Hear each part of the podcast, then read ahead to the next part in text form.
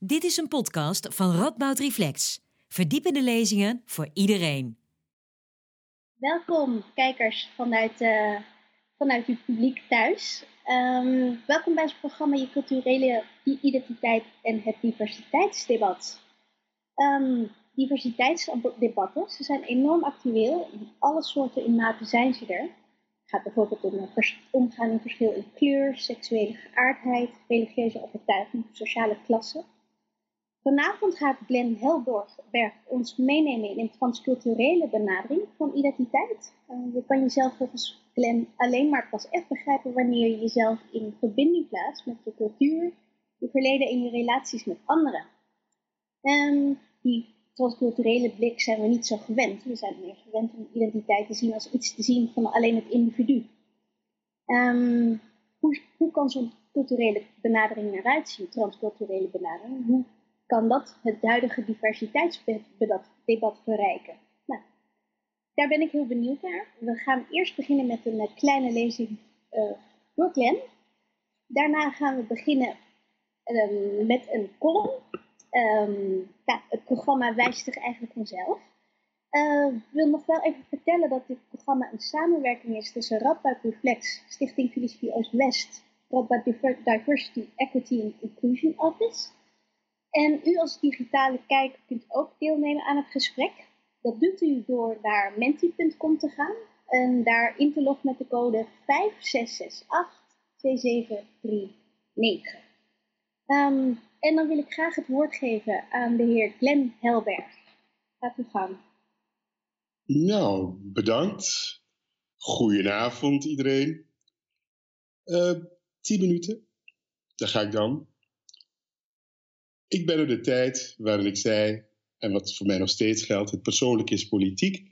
Dus ik begin altijd mijn verhalen met het persoonlijke. Er komt een boek van mij uit en daarin probeer ik het transculturele te beschrijven. En dat transculturele denken staat als volgt beschreven. In het transculturele denken is er sprake van gelijkwaardigheid van de mens, van culturen en taal.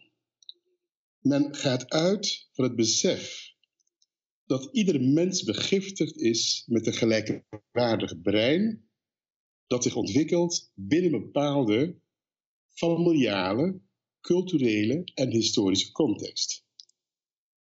Transculturele therapie overstijgt de scheidslijnen tussen culturen. Mijn eerste stappen in de psychiatrie waren heel anders. Het heette de psychiatrie waar ik instapte. De, psych de psychiatrie was gebaseerd op de ervaringen in taal, cultuur en de historie van de westerse mens. En ik leerde dat de gekleurde mens, dat die gold als exotisch. En als er al sprake was van psychiatrie bij die ander, die gekleurde mens, dan, neemt u nu kwalijk, dan waren het symptomen die golden als afwijkend van de norm. Ik leerde bijvoorbeeld, en misschien zijn er luisteraars bij jullie dat ook nog weten, en kijkers, koro, een ziekte dat voornamelijk in Zuidoost-Azië voorkwam en daarmee genoemd werd als cultuurgebonden. Dat is een cultuurgebonden ziekte. En het was ook spannend, maar het ging over het geslacht van de man dat inkrop. Nou, dat paste helemaal bij die exotische cultuur, dat die mensen zich daar zo druk om maakten. Maar daarmee werd er geïmpliceerd dat die westerse psychiatrie, die psychiatrie die dus waar, die de norm vormde, dat dat niet cultuurgebonden was. Maar dat het dat was zoals het hoort. Inmiddels zijn we wat verder en een van de duidelijke ziekten die, waarvan we nu weten dat het zeer cultuurgebonden is, is dat we, als we kijken naar anorexia of bulimie. Maar het idee was, de westerse psychiatrie is de norm en de rest zijn ziekten die cultuurgebonden zijn. Moet u zich voorstellen dat ik als exotische student daar zat en dat de mensen die op mij leken dat die ik als exotisch leerde zien. Het heette destijds dan de transculturele psychiatrie. Tot ik op het idee kwam dat ik dus als transcultureel psychiater mensen behandelde die op mij leken. En als ik bezig was met iemand die op mij leek, met een kleurtje, dan was ik bezig transculturele psychiatrie te bedrijven. En ergens ging dat denken, ik in conflict met mezelf. Het betekent dat ik een omslag maakte en ik bedacht, als het daarom gaat, als het om de kleur van de mens gaat, betekent het dat als ik werk met iemand met een witte kleur, dat ik dan transculturele psychiater ben voor die ander met die witte kleur. En niet voor die persoon met die bruine of zwarte kleur. En uh, ik vond het in eerste instantie een leuk grapje, maar de kern was werkelijk waar. Want waarom kon ik met gemak die witte mens begrijpen? Omdat ik de taal, de cultuur, de historie van die witte mens kende. Het ging op dat moment niet over, die kleur die ik had tegenover die ander. Maar het was dat ik opgeleid was, opgevoed was in die taal, die cultuur en die historie. Heel bijzonder was er een ander moment in mijn leven eerder waar ik eenzelfde ervaring bij had. En dat was toen ik naar Nederland kwam in 72 om te studeren. Ik ging medicijnen studeren. En op een bepaald moment gingen mijn medestudenten allemaal naar Israël. En die gingen allemaal naar de kibbutz en ze gingen daar werken. En ik dacht, ik moet dat ook doen. Ik moet ook die ervaring in het buitenland hebben. En ik was met hele serieuze gedachten bezig daarover. Tot ik mij realiseerde, maar wacht jongen, je bent al in het buitenland. Dat was echt een gewaarwording van, dat hoef jij helemaal niet te doen. Want die ervaring die de ander probeert op te doen in de nederzettingen, dat is niet jouw ervaring. Deze mensen die hier geboren zijn, die zoeken naar die nieuwe ervaringen. En ik heb al een nieuwe ervaring. Maar gelukkig heb ik dat toen ook niet gedaan. Want ik zou heel ver zijn geweest van mijn taal, cultuur en historie. Want uiteindelijk was het land dat bewerkt werd, wat eigenlijk je zou kunnen zeggen dat gekoloniseerd werd. En dan zou ik daar met mijn eigen geschiedenis van kolonisatie, zou ik daar dan zijn en ik zou de ervaring opdoen in de kibbutz. Ik zou me dus vervreemden van mezelf. Ik zou een tijd lang niet over door kunnen gaan, want er zijn veel van die momenten geweest waarin ik mezelf moest hervinden, waarin ik mezelf moest hernemen. Hernemen naar mijn historie, mijn taal, mijn cultuur. En ik ben heel blij dat ik dat gedaan heb. Maar wat zie ik om me heen? Dat wat ik in het klein deed, zie ik dat steeds meer en met meer volume plaatsvindt.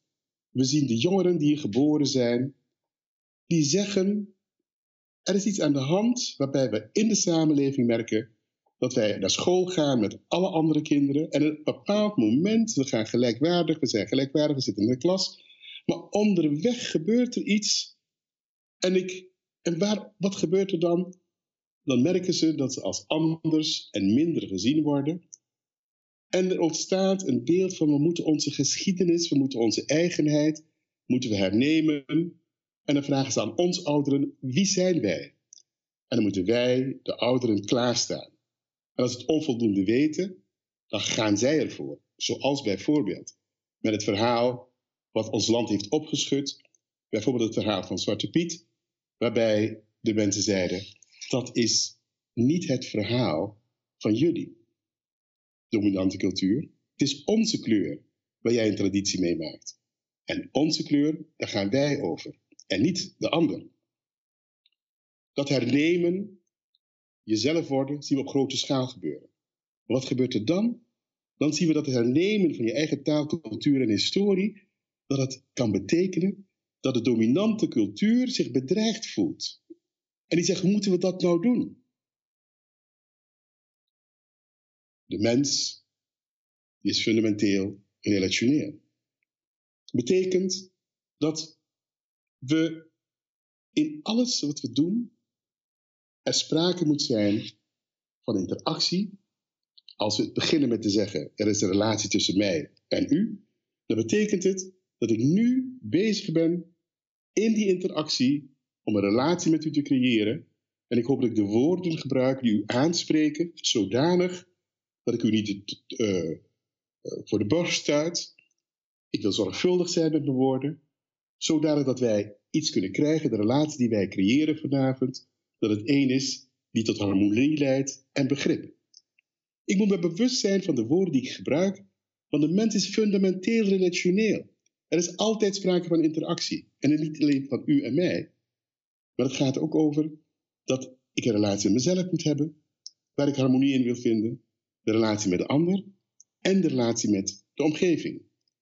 Die, die relatie die ik met mezelf heb, betekent dat ik in harmonie wil zijn met alles wat ik zie van mezelf. En dan begin ik met de buitenkant. Dan begin ik met de binnenkant, mijn emoties. Dan begin ik met mijn denkvermogen en mijn intelligentie. Allemaal zaken waar door de dominante cultuur iets van gezegd werd, wat mij als exotisch werd gemaakt. Ik moest mij, zoals u begrepen heeft aan het begin van het verhaal, moest ik mij ook verhouden tot het woord exo exotisch zijn. Terwijl ik daar zat als arts die een andere wilde behandelen. En als ik mij in die ander probeerde in te beelden, dat ik dacht, en wat is er dan zo exotisch aan die ander? Nu zitten we in de praktijk, nu zit ik in de samenleving, en dan zie ik dat collega's van mij verontrust raken, als patiënten zeggen.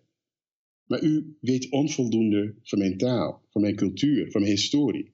Ik wil naar iemand toe die dat beter begrijpt. En wat ik nu zeg, dat zeg ik niet uit de duim. Maar dan zie ik dat de witte collega onrustig wordt. En die zijn in staat om die overgang zelfs te belemmeren. Want mijn witte collega's, die denken in termen van: ik weet het, mijn denken is de norm en ik kan jou helpen. Ja, het is jammer dat zo'n collega op dat moment niet bedenkt: Goh, ik ben heel blij dat je zo ver hebt gebracht. Maar inderdaad, ik heb onvoldoende rekening gehouden met jouw taal, jouw cultuur en jouw historie. Met hoe jij bent opgevoed, wat je familie voor jou betekent en wat je voorouders voor je hebben betekend. Dit is een inleiding om te zeggen: het hernemen van de mens die er anders uitzoet, kan betekenen dat het een bedreiging is voor de norm. Volgens mij is dit het begin waarmee ik de avond wil openen. Dan weet u waar ik sta, waar ik sta. Het persoonlijke heb ik gemaakt tot het politieke. Want wat betekent dat? Met hoe ik mij manifesteer in de samenleving, betekent het dat ik de andere vraag om mij te zien, te horen, dat ze ergens kunnen komen. En als we in die interactie gaan creëren, dan kan er iets anders ontstaan. Misschien zelfs iets mooiers ontstaan. Iets waarvan we zeggen, we laten iedereen in zijn waarde. Nou, het is het begin. Dank u wel. Dank, Glenn Helberg, voor uw mooie bijdrage. Um, nou, nu u zo duidelijk mooi neer heeft gezet uh, waar u staat, wil ik ook even iets uh, zeggen over waar ik sta. Um, ik ben van huis uit filosoof, maar u ziet misschien aan mij, ik ben ook niet in Nederland geboren. Ik kom uit Colombia, geadopteerd. Um, ik ben op mijn 35ste uh, me bewust van het feit dat die adoptie meewerkt in de manier waarop ik me verhoud tot anderen, tot mijn Nederlandse cultuur, want die zit ook wel degelijk in mij. Maar ook de Colombiaanse cultuur, die ook wel degelijk meespeelt in de manier waarop ik me presenteer, hoe ik met, graag met mensen omga. Um, tot zover even over mij. Um, wat mij heel erg opvalt, wat ik mooi vind aan wat u uh, zojuist uh, sprake heeft gebracht, is dat u zegt: de mens is een relationeel wezen. En twee woorden die mij daarbij heel erg opvallen is zorgvuldig. Je moet zorgvuldig met de ander omgaan en met aandacht met de ander omgaan. Um, maar als ik dan diversiteitsdebatten van alle soorten en maten, dus het kan echt over allerlei onderwerpen gaan, zien, dan zie ik niet zoveel terug van die zorgvuldigheid en die aandacht voor elkaar. Ehm, en een hele grote vraag aan u, wellicht hebt u een klein begin met een antwoord te maken. Hoe gaan we dat doen? Die zorgvuldigheid en die aandacht voor de ander. Het begint al in het debat dat het woord gevoeligheid steeds genoemd wordt. En heeft het altijd over dit is een gevoelig onderwerp. En dan zeg ik nee, het kan misschien ogen als gevoelig onderwerp. Maar op het moment dat je het idee hebt van gevoeligheid, betekent het dat je daar zorgvuldigheid tegenover moet plaatsen.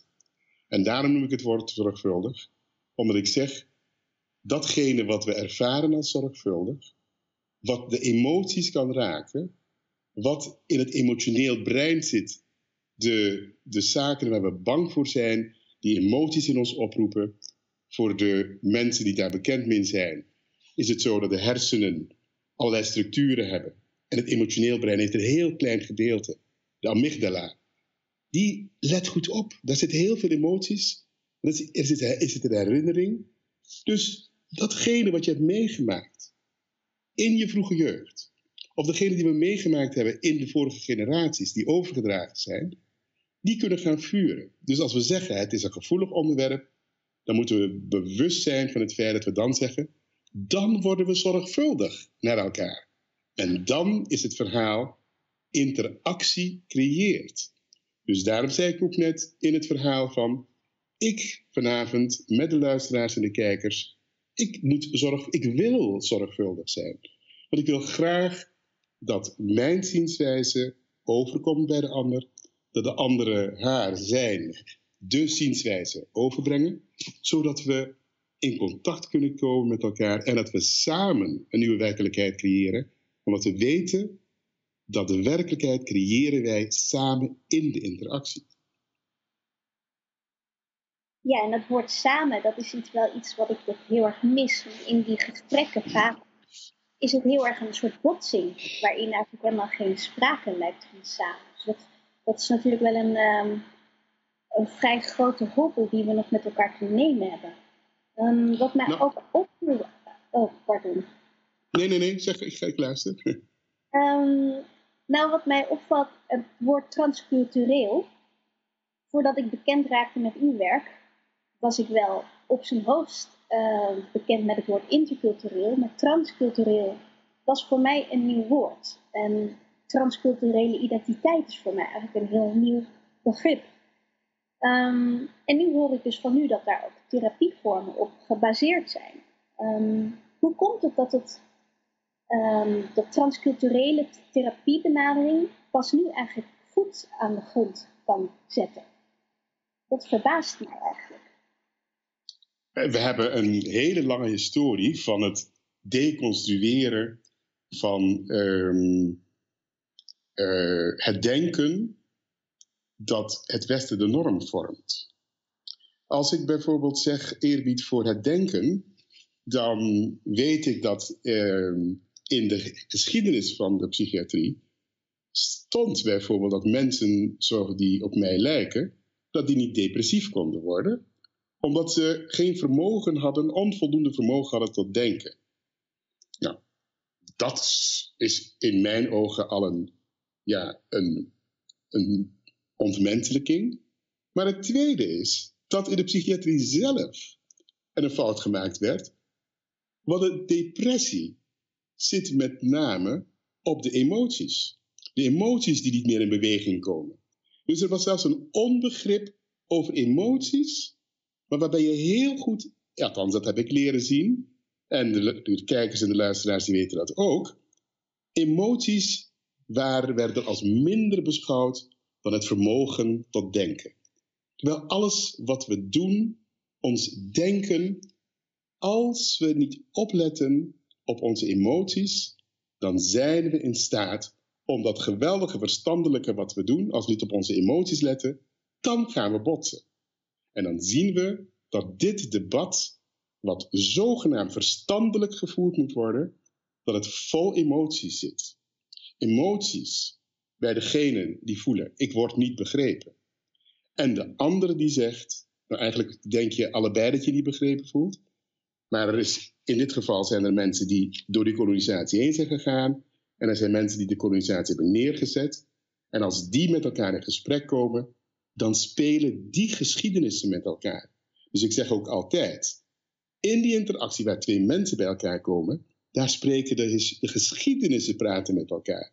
Het gaat dus over mensen van kleur die met witte mensen praten, maar het gaat ook over in je relatie.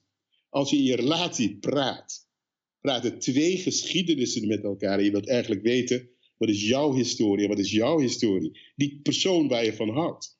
Want je denkt dat de liefde het oplost. Maar tegelijkertijd is het dat in die liefde, je probeert in die liefde, probeer je eigenlijk iets te overbruggen, namelijk die twee geschiedenissen die bij elkaar komen. En in het debat, in het debat, diversiteitsdebat, moeten we weten dat twee geschiedenissen bij elkaar komen. En daarom is het ook zo belangrijk dat we zeggen, we moeten ons realiseren dat het gaat over geschiedenis, taal en cultuur. En die geschiedenis um, zijn we wel denk ik, inmiddels gewend te zien vanuit de vraag: um, wat voor soort hechtingsstijl heb je meegekregen van het huis uit? Ben je opgevoed door warme ouders? Had je emotioneel misschien wat minder beschikbare of minder afgestemde ouders? Maar we zijn het volgens mij niet gewend om het wat breder te zien. Wat voor cultuur ben ik opgegroeid? Dat valt mij heel erg op aan uw lezing. Transcultureel is gewoon een, echt een benadering die um, ja, wat mij betreft nog meer aandacht verdient dan het uh, deze avond natuurlijk krijgt. Um, dus u zegt, mij valt op, u zegt de emotie zou ook meer aandacht mogen verdienen. Pas dan kunnen we Absoluut. emotie op denken afstemmen. Dus terwijl we in veel therapievormen richten zich heel erg op het denken. Dus als jij maar je gedachtenpatronen een beetje in kaart hebt, dan leer je je wat meer af te stemmen op die wereld. Alsof het afstemmen alleen maar hier gebeurt en in je hart. Um, hoe doet u dat? Hoe ziet dat er in, in, de praktijk bij u uit? Stel, ik zou bij u in de, in de behandelkamer zitten. Nou, heel erg leuk. in, eerste instantie mag je lachen zelfs. We mogen lachen. Want lachen is ook een beweging van het lijf. En daar begint het al ik vind het lijf belangrijk. Dus het is niet zo dat als mensen bij mij komen, willen ze heel graag het verhaal horen. Maar ik wil weten wat het verhaal dat die persoon vertelt, met die persoon doet. Want heel veel mensen zeggen, nu moet ik al bij de zoveelste keer het verhaal vertellen. Dan zeg ik, bij mij niet, je hoeft het verhaal niet te vertellen. Dan zeg ik, begin maar. En al heel snel in het begin van het gesprek, als ik iets heb gehoord, dan zeg ik, ik ben erg benieuwd wat dit verhaal nu met u doet. Wat voelt u terwijl u dit verhaal vertelt? En dan gelijk wanneer dit begint, wordt het verhaal anders. Want de mensen moeten zich dan gaan verhouden tot het verhaal. De mensen moeten zich gaan verhouden tot hun emoties. Want ja, natuurlijk is het vervelend als je vijf keer je verhaal verteld hebt. Maar zodra je naar die nieuwere laag toe gaat, die diepere laag toe gaat, en je zelf je verhaal je tot je verhaal gaat verhouden, en het betekenis krijgt, dan emotie, we weten dat het betekent beweging. We willen beweging hebben.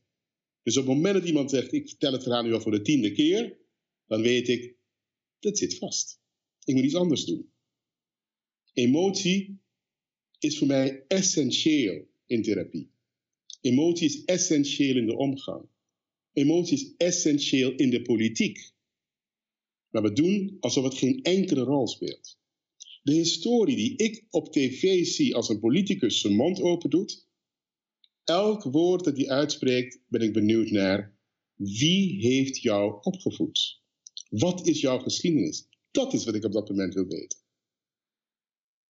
Dus voor mij ook het feit net, waarbij je zei hechtingstijlen en et cetera. De transcultureel psychiater, die luistert, kijkt al anders naar hechting. Want hechting is een behoefte van het kind. Het kind wil veiligheid ervaren bij de ander. En wie is er beschikbaar? Die beschikbaarheid van veiligheid, dat is van groot belang. Maar als wij vanuit het westers denken beleven, dit is hechting, een moeder en misschien een vader. Ik maakte bijvoorbeeld een therapie mee dat een moeder was overleden en dan ging een vader op zoek naar een nieuwe moeder, want dat is zo belangrijk. Terwijl die vader zich niet realiseerde dat hij al de verechtingsfiguur was. Maar hij ging een vreemde vrouw zoeken om zich te bedenken, want op een of andere manier was hechting iets dat bij vrouwen hoort. Dus ik ga snel een nieuwe moeder zoeken, want die hechting, dat verhaal, moet tot stand komen. Terwijl hij iemand was die op dat moment beschikbaar is. En die hechting was ook, had ook plaatsgevonden bij hem. De behoefte, die interactie, wat je creëert. Mensen realiseren zich niet dat ze al iets gecreëerd hebben met elkaar door die interactie. Naarmate de interactie beter is, zie de relatie ook goed worden. Is heel belangrijk, de mensen zijn fundamenteel relationeel. Er is altijd sprake van interactie. En uit interactie ontstaat een goede of een minder goede of een slechte relatie. Dus in uw behandeling, als ik het zo een beetje samenvat uit uw woorden, is ook de interactie met de omgeving een belangrijk, uh, belangrijke pijler om na te gaan hoe iemand zich in zijn vel moet zitten. Begrijp ik dat zo goed? Helemaal, helemaal. We hebben namelijk die, in, ons, in, ons, in ons denken hebben we vijf, vijf zintuigen. En via de zintuigen leren we het leven kennen. En die vijf zintuigen, dat wordt allemaal opgeslagen in onze hersenen. Maar we vergeten dat die zintuigen op elk moment een rol blijven spelen. Wat is er opgeslagen in de, in de geuren die de baby heeft mee ervaren? Als ik bijvoorbeeld, vandaag sprak ik met iemand, was gisteren, nee, gisteren sprak ik met iemand, en die kwam in Indonesië terecht, en die voelde zich daar volkomen thuis. En die wist niet waarom dat was. En het, toen er onderzoek werd gedaan naar de, de, de genen, naar de voorouders, bleek daar een Indische grootouders te zijn. En toen vielen heel veel zaken op een, op een, op een, op, plek. Er was een verklaring. Het was totaal niet te begrijpen wat er aan de hand was, want moeder wist daar niks van.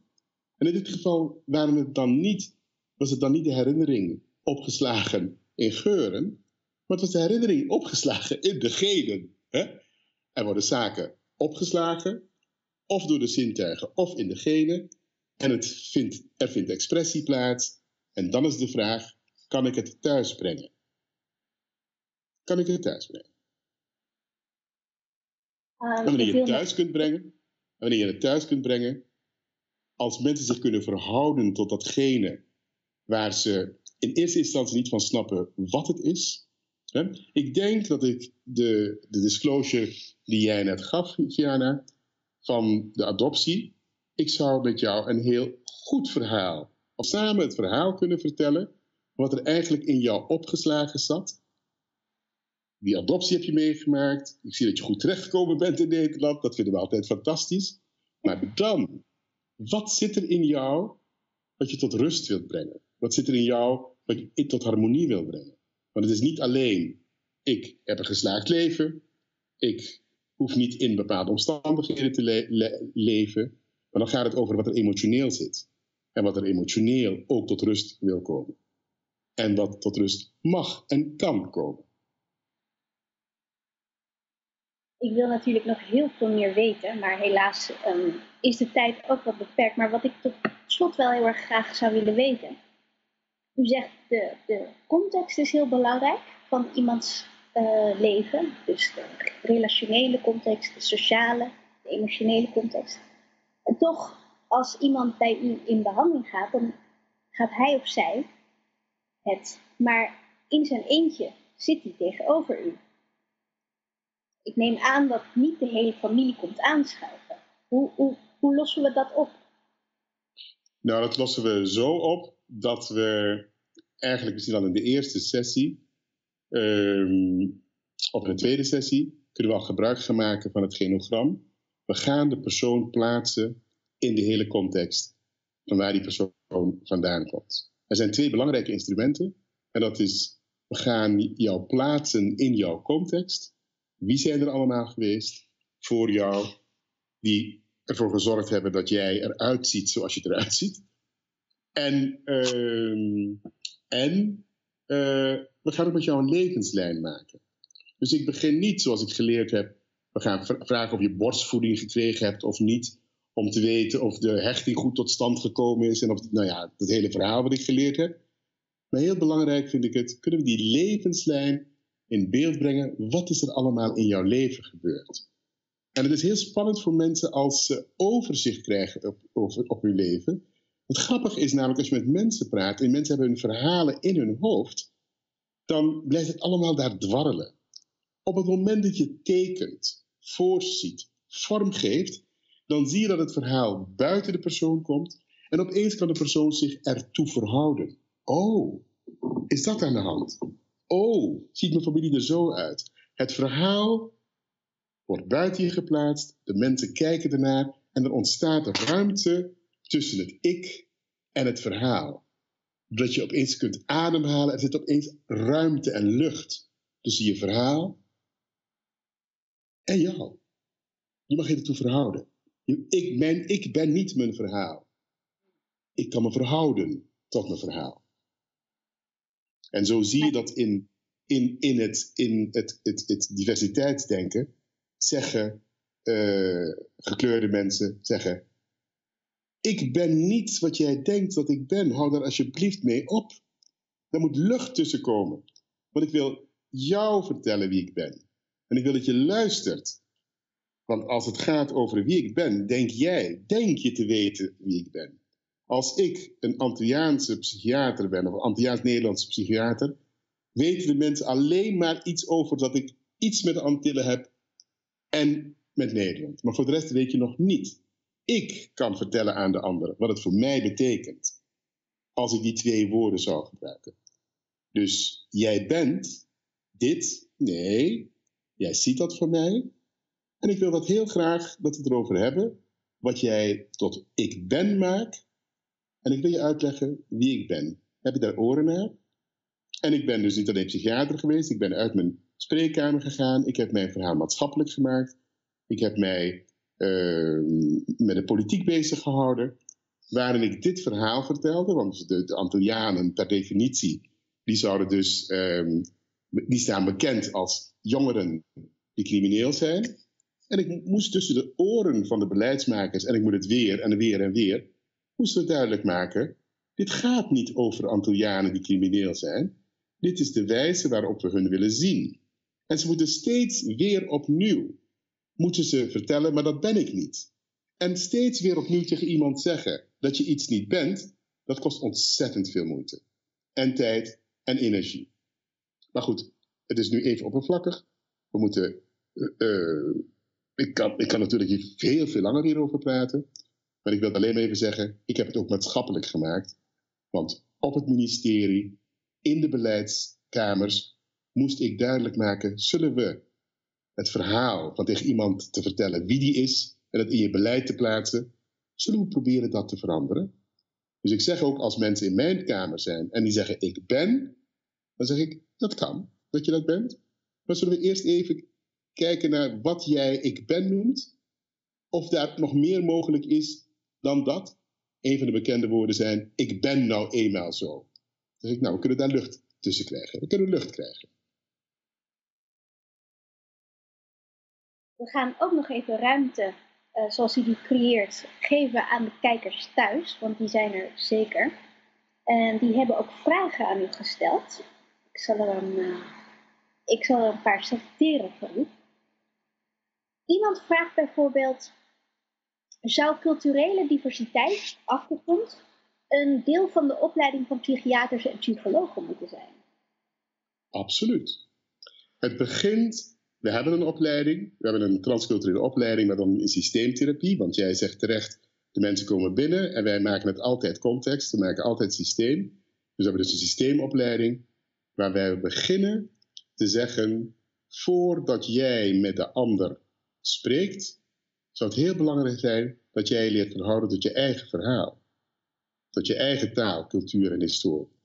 En in onze, in onze uh, cursussen hebben we gelukkig altijd mensen van verschillende achtergronden. We hebben mensen van de achtergrond van de mensen die uit de dominante cultuur komen.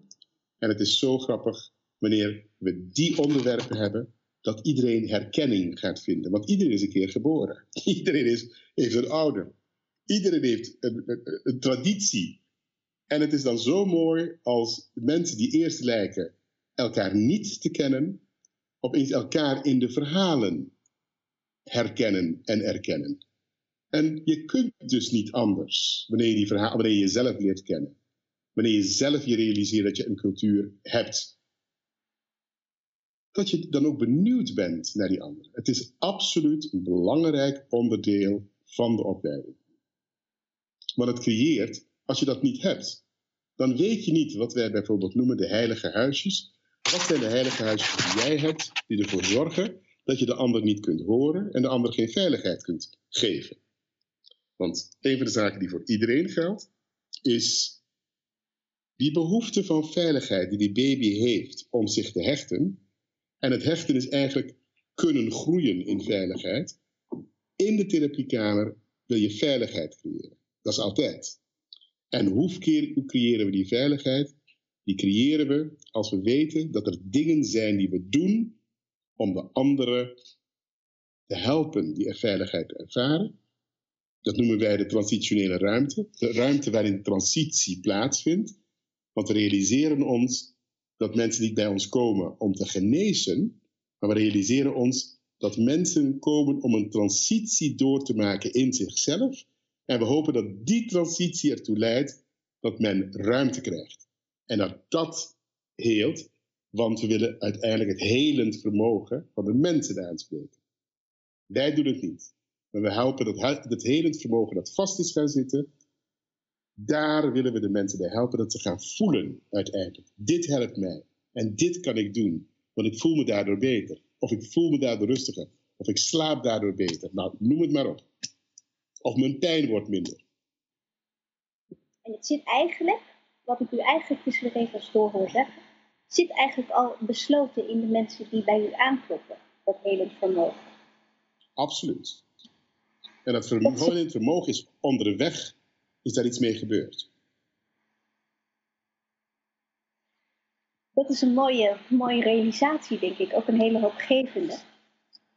Um, ik denk dat het uh, goed is om tot slot nog één vraag heel kort uh, te kunnen beantwoorden voordat we naar de column van Lev Avitan gaan. Dat is de vraag over uh, veiligheid binnen relatie. Als gaat over twee geschiedenissen die samenkomen in een relatie tussen mensen van kleur en wit. Kan het zich vertalen tot kinderen met een gemengde afkomst, bijvoorbeeld in de belevenis van intern conflict? Het laatste woord verstond ik niet, waarschijnlijk door een storing. Laatste, het laatste stukje van, wat ik, uh, van de vraag die ik uh, noemde was bijvoorbeeld belevenis van uh, intern conflict. Ja, elke ouder, of je nou uit een gemengde situatie komt of niet, je, wil je wilt je realiseren dat je kind de kans moet krijgen om zich te verhouden. Want alles voor het kind in het leven is nieuw. Dus het kind wil zich, uh, de bekende zaken die we weten. Uh, het gaat over het kind moet leren plassen, het, het plas op te houden, de, de, de, de ontlasting op te houden. Het kindje moet op een gegeven moment uh, naar school kunnen gaan. Maar dat zijn allemaal zaken waar je toe verhoudt. Het kindje moet zich leren verhouden tot de intelligentie. Want al heel snel, een kind leert een heel, eh, vanaf je geboren bent ben je aan het leren. Zodra je bij het cognitieve leren komt, heet het uh, leren. Waarbij het kind leert, hoort, ik kan niet goed leren. Waarbij een, een benoeming tot stand komt over wat leren is. Terwijl het al een proces is dat al lang op gang was gekomen. Maar op het moment dat het cognitieve leren eraan komt, gaan we het benoemen. Gaan we zeggen slecht leren, goed leren. Goed. Is een kind um, in een multiculturele of in een biculturele situatie, dan zal het kind zich moeten leren verhouden tot dat deel wat bijvoorbeeld als het is een Nederlandse moeder met een Antilliaanse vader, dan zal dat kind zich moeten leren verhouden. Wat is mijn Nederlandse stuk? En wat is mijn Antilliaanse stuk? En daarmee weer in harmonie komen. Daar bestaat geen botsing bij. Want het hele leven zijn we bezig met integreren wat bij ons hoort. Maar het lijkt alsof in, onze, in ons zogenaamde monoculturele denken kun je dus bijvoorbeeld twee dingen niet integreren. Of zoals bijvoorbeeld uh, zeggen, een, een, een jong man of een meisje dat uh, homo zou zijn, lesbisch zou zijn en tegelijkertijd moslim, dat kan niet. Dan lijkt het net alsof we stoppen doorbreken, maar dan gaat het. Natuurlijk kan het. Want het meisje, die jongen, die persoon, die wil zich verhouden tot datgene wat zich voordoet. En daar wil jij in harmonie bij komen. Dat de andere zich niet kan voorstellen, dat is een tweede. Maar benoem het dan ook niet dat het niet kan. Dat we opeens heel vreemd staan te kijken hoe het is. Maar je wil niet ontkennen dat er een conflict kan ontstaan. Omdat bijvoorbeeld een bepaalde emotie, een bepaalde gedraging, een bepaalde um, ja, tradities die horen bij de ene, die wil, die wil dat overdragen en de andere wil het andere overdragen. En dan krijg je situaties waarvan het ene denken wordt minder gevonden dan het andere denken. En dat is raar. Als je dus, zoals ik zei in het begin, alles is gelijkwaardig en dat je onderweg voelt, er is iets niet goed aan mij. En heel vaak zie ik dat kinderen die een kleurtje hebben, dat die de neiging hebben, omdat die witte dominante cultuur er altijd is, dat ze zeggen, weet je, op een of andere manier moet ik toch gaan zoeken naar dat zwarte deel. En ik zie dat dat zwarte deel onderweg mij wordt aangerekend. Ik krijg van die kleine opmerkingen, wat we microagressies noemen, die opeens mij doen beseffen dat ik uh, toch anders ben. Ik word niet helemaal goedgekeurd. Nou ja, en daar zijn in die verhalen zijn er zoveel verhalen van mensen die in die gemengde huwelijken of relaties groot worden. Die zijn eindeloos. En ik kan niet in dit verhaal doen alsof, ik, alsof het één verhaal is. Dus daarom wil je luisteren naar het verhaal. En dan wil ik in de therapiekamer, begin ik met hoe verhoud je je tot dat stuk. Hoe verhoud je je tot dat stuk. En het kan allemaal zijn. Ik denk een mooi verhaal uh, dat in deze context mooi past, is het verhaal van uh, woordkunstenaar en filosoof Lev Avitan. Die op een bepaalde manier ook conflict tussen zichzelf en zijn omgeving heel mooi beschrijft. Ik zou hem graag uh, bij deze podium geven. Lev Avitan, aan jou het woord. Ja, dankjewel. Dankjewel Vivianne, dankjewel Glenn. Het gaat eigenlijk inderdaad over het onderwerp, uh, relationele tussen mij en de ander en ook uh, mij en de samenleving. Ook daar zit een relatie in. Ik zeg alvast de toon, ik zal geen sorry zeggen voor de toon. Um, het kan aanstootgevend zijn, maar ook deze woorden heb ik zorgvuldig gekozen. Um, ik zal gewoon beginnen. Ik heb hem de witte apenvangers genoemd. Oh, hoe fijn het zou zijn om begrepen te worden zonder in benauwdheid te geraken. In mijn struikelen zoeken naar erkenning ben ik vele malen afgewezen. En ben ik nog vaker weggerend met doodsangst bonzend in mijn borst. Want voor zij die volwaardig participeren in de syntax van deze taal, verschijnen vraagtekens als iets goedaardigs. In mijn geval echter is het de kromming van een verwrongen witte vinger die zich slaat om mijn hals. De vragensteller claimt in onschuld een blijk van interesse, maar ik ervaar alleen een apenvanger plechtig aan het werk. Ik zeg: scheer je weg met je klim en met de naïviteit waarmee je kleur bekent. Wij hier in het Westen zijn gedresseerd te denken in kooien. En een deel van ons heeft zich de autoriteit toegeëigend deze kooien naar eigen inzicht te vullen. En ik weiger. Ik weiger jouw grip, omdat ik er geen vertrouwen in heb dat je lieftallig met mij om zal gaan, op het moment dat je me vast hebt. Maar wellicht ligt het helemaal niet aan jou. En heb ik gewoon nooit gewaagd te ontwaken uit mijn slachtofferschap. Wellicht voel ik alleen de warmte van zij die op me lijken, omdat ik on onschuld ervaar als evident. Want hoe kan de verworpene deelnemen in hetgeen waaronder zij zelf meent te lijden? Is mijn denken het product van linkse indoctrinatie? Allicht. Gepaard met een zekere dosis essentialisering van mijn wonden? Allicht. Na weken van woelen in deze ontmaskering begon ik het een goed idee te vinden om hulp te gaan zoeken voor de snede die ik ben opgelopen. Toen de witte psycholoog mij wees op mijn negatief zelfbeeld, kon ik dat alleen maar beamen. Ze raadden me aan om het gratis online trainingsprogramma Friendly Eyes te volgen. En ik was gretig om diezelfde week nog met lieve ogen naar mezelf te leren kijken. Helaas moest ik terugkeren met het nieuws dat ik dacht dat deze methode niet voor mij geschikt was. Ik vertelde de witte psychologe dat de woorden van de witte mevrouw uit de video's, die in haar bloemetjesblouse op de heide stond, niet met mij resoneerden.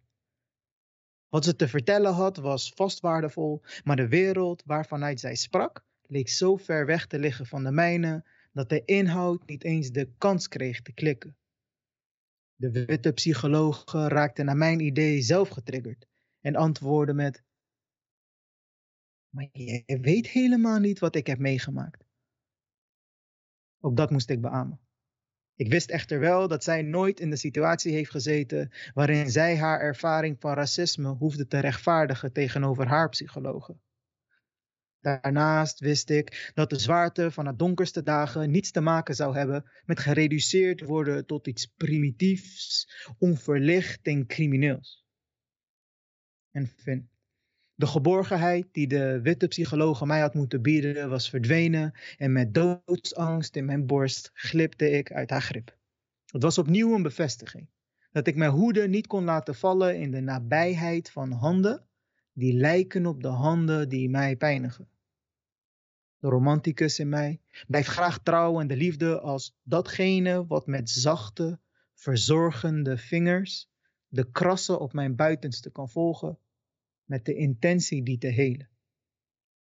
Desalniettemin vertrouw ik niet iedere hand deze intimiteit meer toe. Wijd het aan de onveilige hechting met een emotioneel afwezige moeder, of aan alle keren dat Nederland mij duidelijk heeft gemaakt dat dit geen grondgebied is waar ik mij veilig en thuis zou mogen wanen. Steeds opnieuw komen de witte apenvangers uit de mouw gedropen. Ze komen met de intentie me te pakken. En nadat ze me gegrepen hebben, net zo makkelijk te laten vallen in duizend en één barsten, ongeacht het leed dat daarmee gepaard zal gaan. Het uiteengespatte wezentje kraamt het uit van de pijn, maar blijft ongehoord. Op 17 maart 2021 heeft Nederland de hechtingen losgetrokken. De wonden verder opengezet en menig van zijn onderdalen laten vallen. Nederland heeft weer laten zien blind te zijn voor het geweld van witte handen, of erger nog, het geweld niet als dermate belangrijk te vinden dat het mee moet wegen in de keuze hoe dit land te leiden. Het mogen duidelijk zijn dat er geen verantwoordelijkheid wordt genomen voor de wonden, de sneeën, de schrammen en de barsten die hier al reeds aanwezig waren en opnieuw gemaakt worden op de lichamen van zwarte en bruine vrouwen, mannen en al onze nazaten. 22% van stemgerechtigde Nederlanders zien dit geweld zelfs maar al te graag toenemen en verergeren. En het enige wat ik te zeggen heb is kom maar met je bebloede witte handen. En ik zal ze wassen met spuug als het ondergeschikte wezen dat ik klaarblijkelijk ben in jullie nabijheid. Dank jullie wel. Dank Les voor je bijdrage. Wat mij. Dat. Ik vind het een hele mooie, treffende column. Wat mij uh, te binnen schiet eigenlijk, waar ik het met Glenn over gehad heb, is dat emotie wel degelijk een rol speelt in de manier waarop we met elkaar omgaan. En die emotie klinkt ook door in jouw column. Maar wat ook doorklinkt in jouw column is, je hebt heel mooi fysiek taalgebruik uh, ja, gebruikt. Um, tegelijkertijd ben je ook van, wat ik van, van je achtergrond begrijp, filosoof. Hoe heb je dat uh, met elkaar weten te rijmen? Nou, voor mij ligt het ook in hoe uh, worden systemen, dingen die eigenlijk buiten een individu overstijgen, hoe wordt dat uitgedrukt in, in, in, in, in onze relaties? Dus hoe kunnen we dat herkennen? Anders dan alleen maar theoretisch en uh, het bedenken, wat we, waar we in filosofie vanuit de Ivoren Toren heel goed in zijn. Maar ik denk dat heel veel structuren van geweld en machtsdynamieken, dat, dit, dat, dat, heel, dat dat eigenlijk best wel aan de oppervlak ligt en dus makkelijk te zien is als we zien hoe ze uitgedrukt worden in, in, in, onze, in onze lichamen. En daarom wat ik ook met die spreekwoorden van wonden en, uh, en, en schrammen en barsten blijf. Omdat ja, je hebt de koloniale wond. En hoe ik dat nog steeds terugzie. Eigenlijk, Glenn, je had het over dat we allemaal relationeel zijn. En een systeem dat dat mediate onze relaties. Daar zijn, zo, zo, zo zie ik systemen. En wat dan nog steeds van die koloniale wond aanwezig is, is wie bepaalt de condities steeds van die mediation. Dus we zijn relationeel, maar wie bepaalt, wie heeft continu de macht om de condities te bepalen hoe we tot elkaar relaten. Um, wat, welke relaties wel, wel waarderen en welke niet. Dus dat, is het filosofische wat ik breng naar mijn dichterschap en het gaat in elkaar over. De mooiste filosofie is poëzie voor mij. Dat heb je hierbij aangetoond. En inderdaad, het systeem. Mensen wijzen altijd naar het systeem als een rechtvaardiging of legitimering van hun handelen. Of een manier waarop ze met anderen omgaan. Maar ik vind het altijd wat abstract. Ik begrijp nooit zo goed wat met het systeem bedoeld wordt. Misschien kun, kunt u daar wat meer over vertellen, Glenn? Ik wil daar iets over vertellen. Um, uh, er is een systeem. En filosofen kunnen daar heel veel over zeggen. Als ik kijk naar hoe ik filosofie heb leren uh, begrijpen, was dat de filosofie beweerde dat mijn hele Afrikaanse continent geen filosofie had. Terwijl voor mij filosofie is dat het weefsel van die samenleving wordt opgepikt en wordt gezien en wordt beschreven. Dat weefsel dat in die interactie ontstaat, dat halen we naar boven en we zeggen, ah, dat is wat die mensen aan het doen zijn. Dit is wat ik zie. Je geeft dus weer wat er uit de mensen komt en daar ga je van vertellen, dat zie ik dat je doet. Maar dan komt het systeem. Dan is er iets dat zegt, dit wat jullie doen is geen filosofie. Betekent dat er ergens structuren zijn die zeggen, dit is waar en dat is niet waar. En dan komen we bij het systeem we zien dat het systeem iets onzichtbaars is. En we zien met name nu dat systemen gereproduceerd worden in de hoofden van mensen, in dat denken, dat de mensen niet weten waar het vandaan komt. En de mensen zeggen, dat is de werkelijkheid. Dus wat zie ik? De mensen ervaren zichzelf niet als een systeem, maar het denken, dat wordt algemeen zonder de vraag te stellen, is dit wat ik denk wel waar? Ja, het is waar. Dit is zoals we het doen. En het systeem wordt elke dag weer gereproduceerd. Hoe? Doordat we bijvoorbeeld datgene wat we onze kinderen meegeven, geven we dus dat denken mee. Want hoe wordt het systeem tot uitdrukking gebracht? Het is, dat systeem wordt in de lichamen van de mensen overgedragen. En je ziet dan leiders die, die uit hun woorden hoor je steeds weer gereproduceerd. Wat reproduceer je? Je reproduceert het verhaal van wie de baas is en wie niet de baas is. Als we vrouwen en mannen naast elkaar zetten, dan zien we dat daar sprake, als je naar vrouwen kijkt en mannen kijkt, elk weldenkend mens ziet dat vrouwen alles kunnen. En toch is er iets in de hoofden ontstaan waarvan we zeggen: nee, die vrouw is minder, die vrouw kan minder. Terwijl die vrouw zoveel kan. Evenveel kan en zelfs meer. Namelijk een kind ter wereld brengen. En toch zijn we in staat in het denken te ontkennen wat we zien, dat wordt gereproduceerd. En ik vind het bijzonder om te zien, in deze tijd weer, in het verhaal van emancipatie. Ik ben nu 66 jaar. We hebben heel hard gewerkt aan vrijheid en emancipatie en et, et cetera. En toch zien we dat die emancipatie plaatsvindt in een bepaalde bubbel. Want in het werkelijke denken, in werk, hetgene wat er overgedragen wordt, wat er in onze schoolboekjes staat, dat gaat niet uit van gelijkwaardigheid.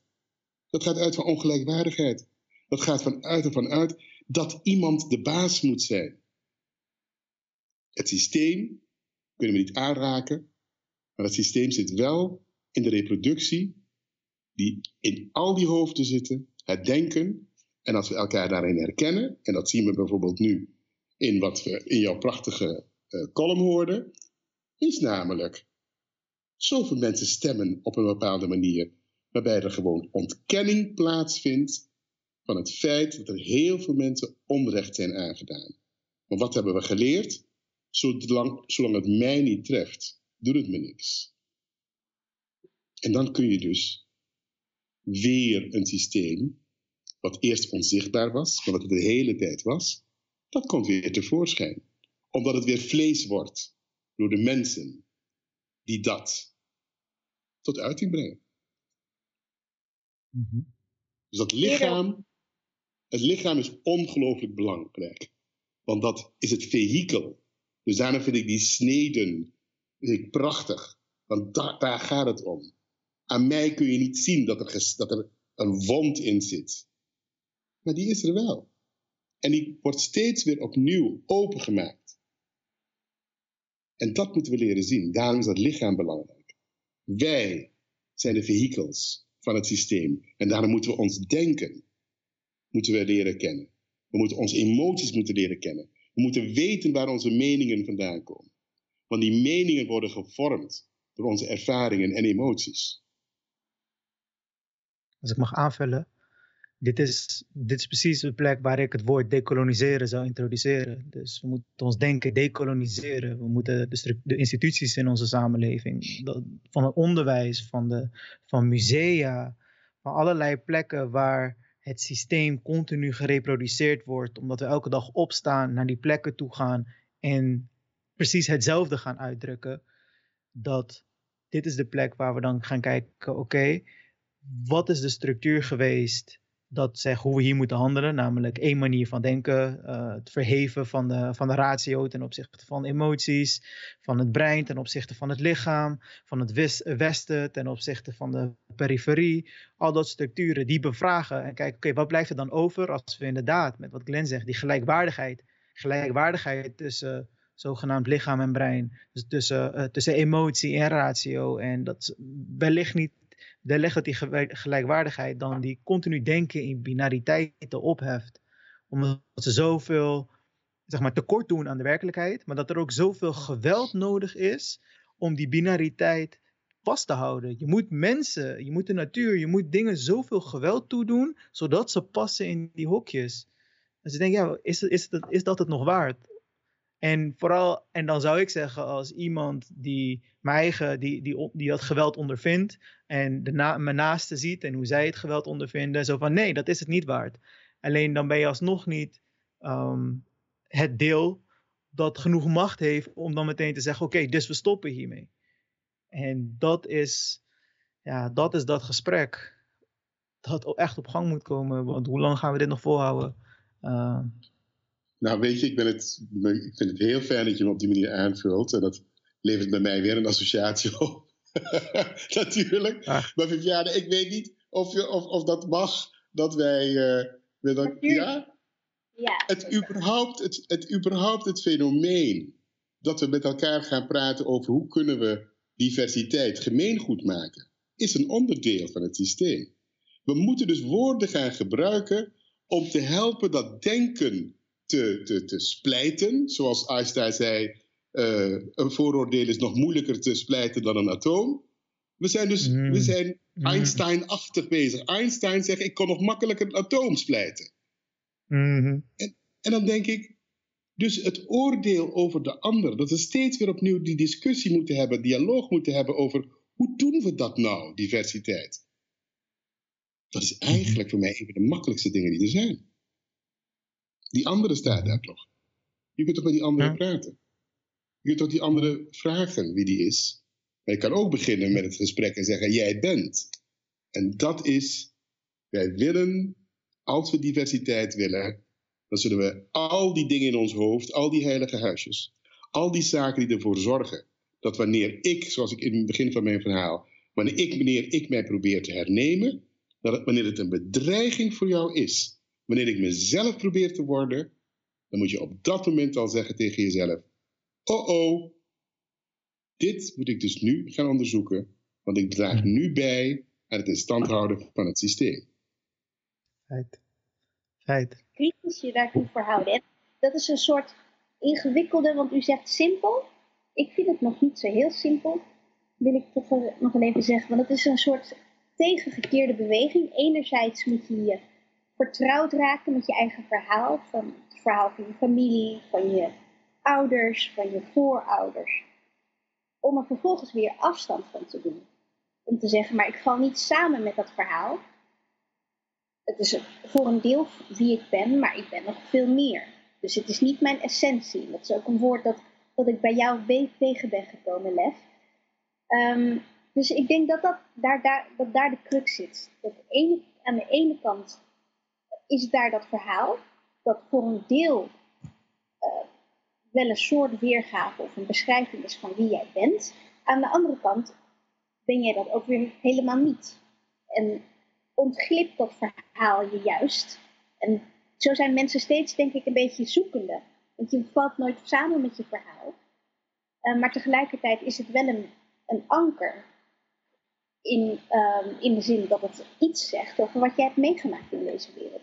Deze, deze paradox en het evenwicht daarin vinden, ik denk dat daar een, uh, een ingewikkeldheid zit. Um, tot slot, ik zou nog wat graag wat vragen met jullie uh, willen bespreken. Um, vragen van het publiek. Um, een van de eerste vragen uit mijn hoofd uh, die ik aan u heb gesteld, dat ging over die zorgvuldigheid en aandacht voor de ander. Een van de kijkers die, die herinnert zich daar ook nog even aan. U benadrukt zorgvuldigheid, maar zonder nadruk op voor wie dat vooral geldt. Zijn het niet vooral witte mensen die zorgvuldigheid in acht moeten nemen in het debat over diversiteit en racisme? Een vraag aan Lef? Of een vraag aan mij? Uh, of mogen we allebei beantwoorden? Ja, zeker. Graag. Gaat u maar. Zijn het niet met name witte mensen die zorgvuldigheid moeten betrachten? Ja. Ik denk dat iedereen zorgvuldigheid moet betrachten. Het hangt er alleen maar vanaf welke dialoog je op dat moment hebt. Ik heb niet voor niets ook gezegd relaties van mensen onderling. Ik zei niet een relatie van een witte en een zwarte. Ik zei relaties. We willen altijd in het contact met anderen ons realiseren dat we zorgvuldig moeten zijn. Want alle problemen die ik in de spreekkamer zie of in de samenleving zie, is niet een probleem tussen witte en zwarte mensen. Het is een probleem tussen mensen. Dus wij zullen moeten leren in de interactie zorgvuldig te zijn. Ik noem het zelfs dat we interactiespecialisten moeten zijn. We moeten weten dat we verantwoordelijkheid hebben voor wat we zeggen, dat zogenaamde vrije woord, maar dat het woord effect heeft op de andere. En wanneer, het effect heeft op de andere, dat er iets terug kan komen.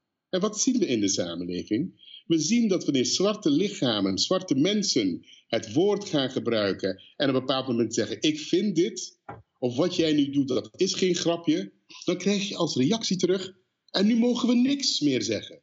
En daar zit het. Want je dacht blijkbaar dat jij alleen maar het vrije woord had. Die ander heeft ook het vrije woord. En je moet dus nu leren omgaan met het feit dat we allebei het vrije woord hebben. Dat we allebei het woord gaan gebruiken. En dat we allebei nu naar elkaar gaan luisteren. Wat bedoel jij precies? Want het verhaal was: ik vertel jou wie jij bent. Dat was mijn vrije woord. En nu zeg ik, en dan bedoel ik niet ik zelf. Maar nu zeggen mensen, maar ik heb ook een verhaal. Wat ik ook in de buitenwereld wil brengen. Dus één, zorgvuldigheid gaat überhaupt over hoe we met elkaar omgaan. Eén. Twee, in het debat is zorgvuldigheid noodzakelijk omdat we gedreven worden door allerlei krachten die we niet zien, die in ons zitten, maar die zogenaamd met het verstand tevoorschijn komen als ratio, verstandelijk.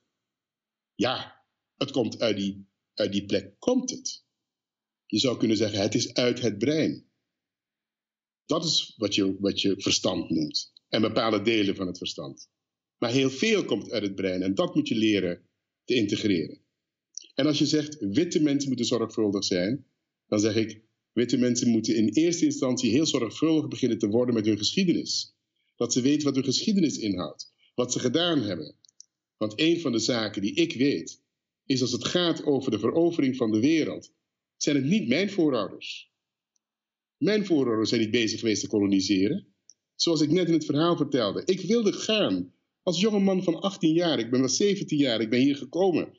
Al mijn medestudenten gingen naar de kibbutzen in Israël. En ik wilde mee.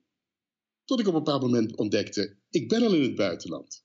Maar als ik had meegedaan, dan betekende het dat ik had meegedaan aan land bewerken dat ook aan andere mensen hoorde. Dan had ik meegedaan met, een, met het in beslag nemen van ander land. En ik had me daar goed over gevoeld. Want ik had het idee gehad op dat moment dat ik met waardig werk bezig was geweest. Tot de keer dat ik in die gebieden kwam en zag en de kolonisatie herkende. En de mensen waarmee ik was, dat die zeiden: Glenn, we gaan je iets nieuws laten zien. En ze lieten mij niks nieuws zien, want ik herkende de kolonisatie. Aan alles was er voor mij op dat moment herkenning. Dus het betekende dat ik misschien, omdat ik mij zo wilde aanpassen aan deze cultuur, dat ik bijgedragen had aan iets wat mijzelf en mijn volk zelf was overkomen. Dus die zorgvuldigheid is, ken je geschiedenis, weet wat er aan de hand is, weet wat je veroorzaakt hebt. En neem daar, neem daar, neem daar um, verantwoordelijkheid voor.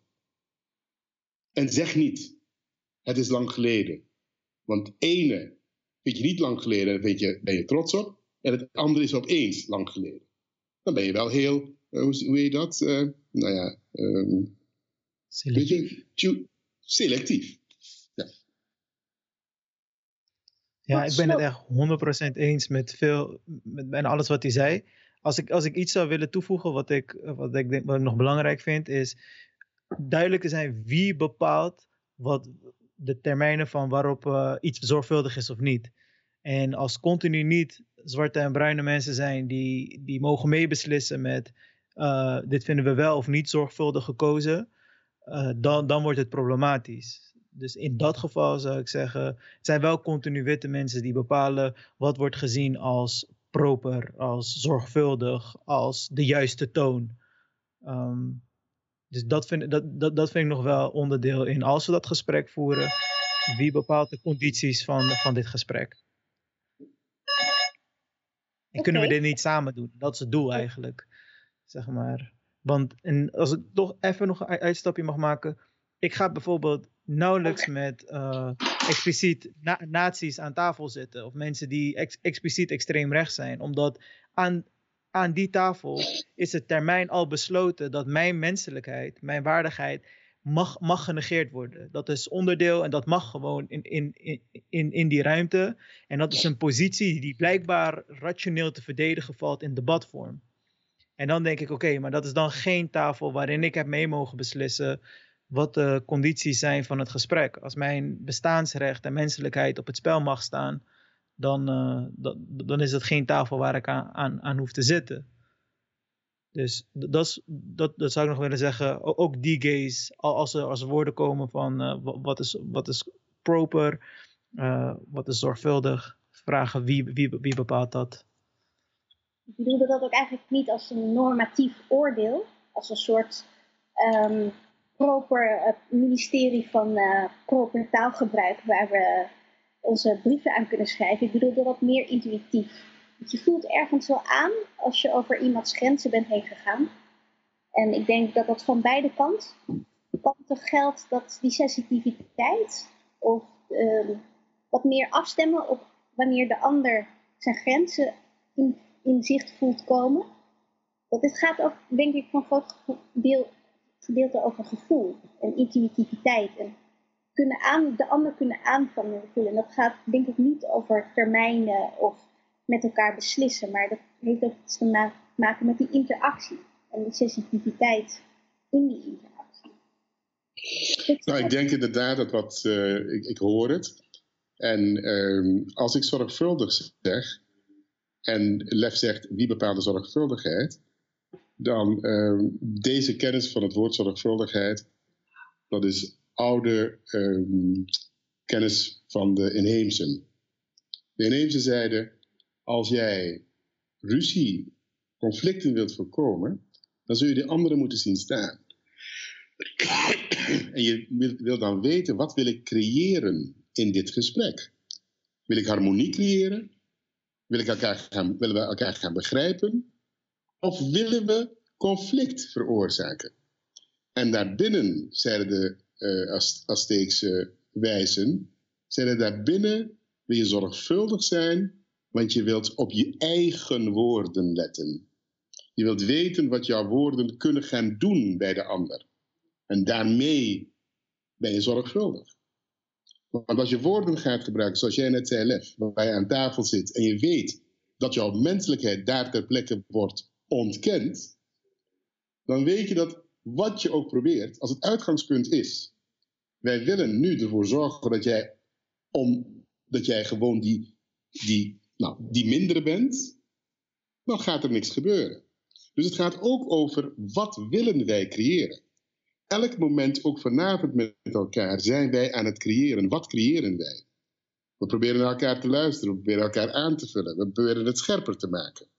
En daarbinnen doen we pogingen om het verhaal duidelijker te maken. Want het verhaal willen we duidelijker hebben. Dus binnen de zorgvuldigheid gaat het ook over in eerste instantie, ben ik zorgvuldig genoeg?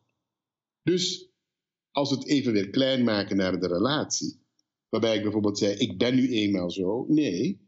Of de woorden die jij gebruikt, ja, dat zijn jouw woorden, of al die dingen die we herkennen uit relaties, dan weten we dat het is, god, dat woord heeft jou gekwetst.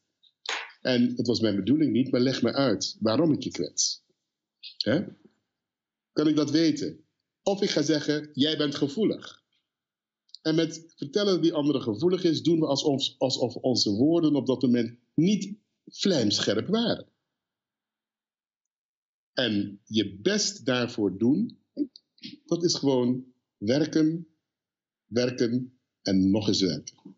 En dat is wat wij nu in deze samenleving met elkaar willen. Dat moet onze arbeid zijn met elkaar. En niet de dingen die waarvan wij denken, ja, wij stonden altijd bekend als tolerant. Of wij zijn altijd mensen die uh, van het vrije woord. Of wij zijn altijd mensen die. Al die dingen waarin we onszelf vastzetten, die willen we deconstrueren. We willen daar zorgvuldig in zijn. En het zou heel fijn zijn als we overal de eerste in zijn. Dan zou het geweldig zijn als we de eerste zouden zijn nadat we een van de laatsten waren met uh, het afschaffen van de slavernij. Zou het geweldig zijn als wij de eersten zijn die met elkaar zeggen en wij doen moeite met elkaar op allerlei niveaus om naar elkaar te luisteren en onze menselijkheid te blijven zien.